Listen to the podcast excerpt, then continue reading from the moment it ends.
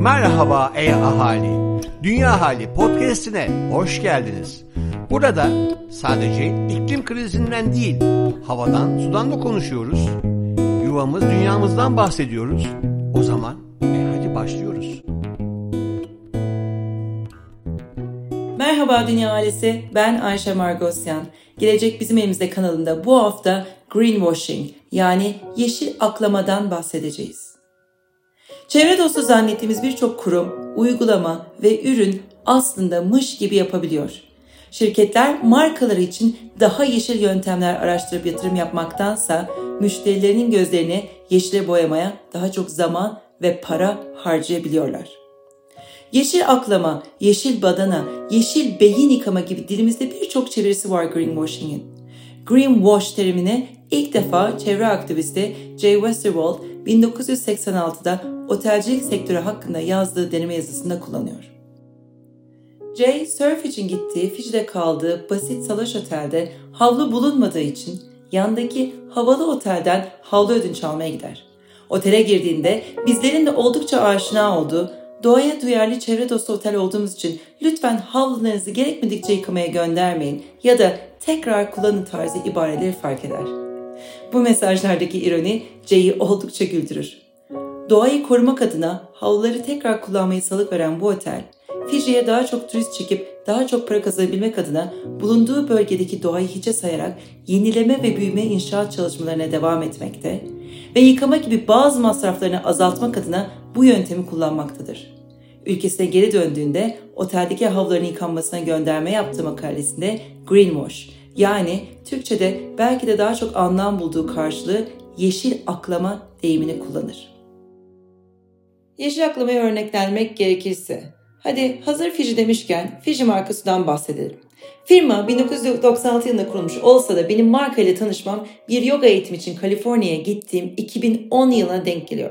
Ambalajında doğayı ve sağlığı çağrıştıran grafikler ve ibareler kullanan Fujitsu, sağlıklı yaşam ve çevreye duyarlı olmak için her şeyi göz alacak Kaliforniyaları normal bir sudan çok daha fazla para vermeye ikna etmişti bile. Oysa ki 1 kiloluk PET Fujitsu'nun üretiminde ve Çin'den okyanus aşağı Kaliforniya'ya ve diğer ülkelere ulaşımında 26.88 kilosu, 849 kilo fosil yakıt harcanmakta ve 562 gram sera gazı salınımı ortaya çıkmakta. En acısı ise Fiji halkının %12'sinin temiz suya ulaşımı olmaması. Pet şişe kullanımı konusuna hiç girmiyorum bile ancak mış gibi yapmak adına üretilen karton su şişeleri gerçekten çok üzücü. Karton içine gizledikleri plastikle israfı da iki katına çıkartıyorlar. Volkswagen örneğiyle devam edelim. 2015'teki emisyon skandalını hatırlayanlarınız olacaktır. Volkswagen, çevreye daha az zarar verdiğini iddia ettiği dizel araçlarının laboratuvar emisyon testlerinde bilinçli olarak aldatıcı yazılım kullandı emisyon değerlerini manipüle etti ve iddiasını yalan da olsa kanıtlama çabasına girdi.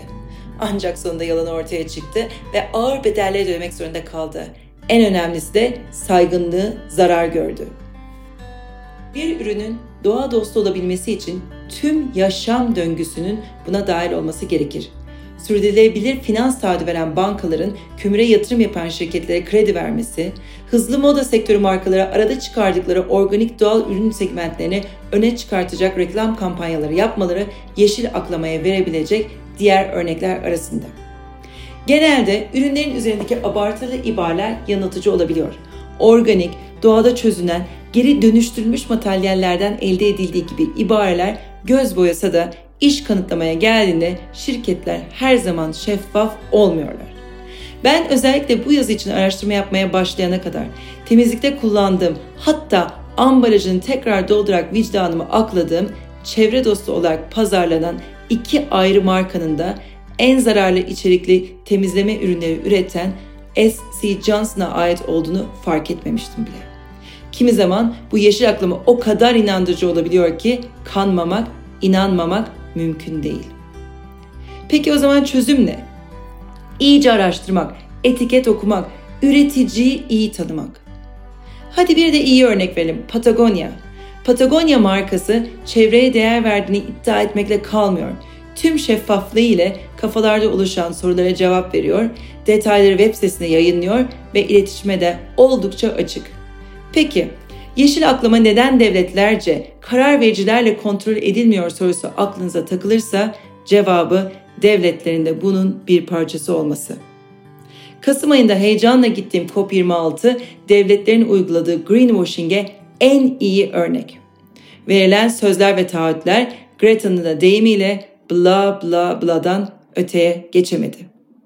Değişimi yaratacak bizleriz. Sensin, benim. Ancak araştırarak, sorarak, hakkımız olanı, adil olanı isteyerek yeşil badanıyı aklayabiliriz.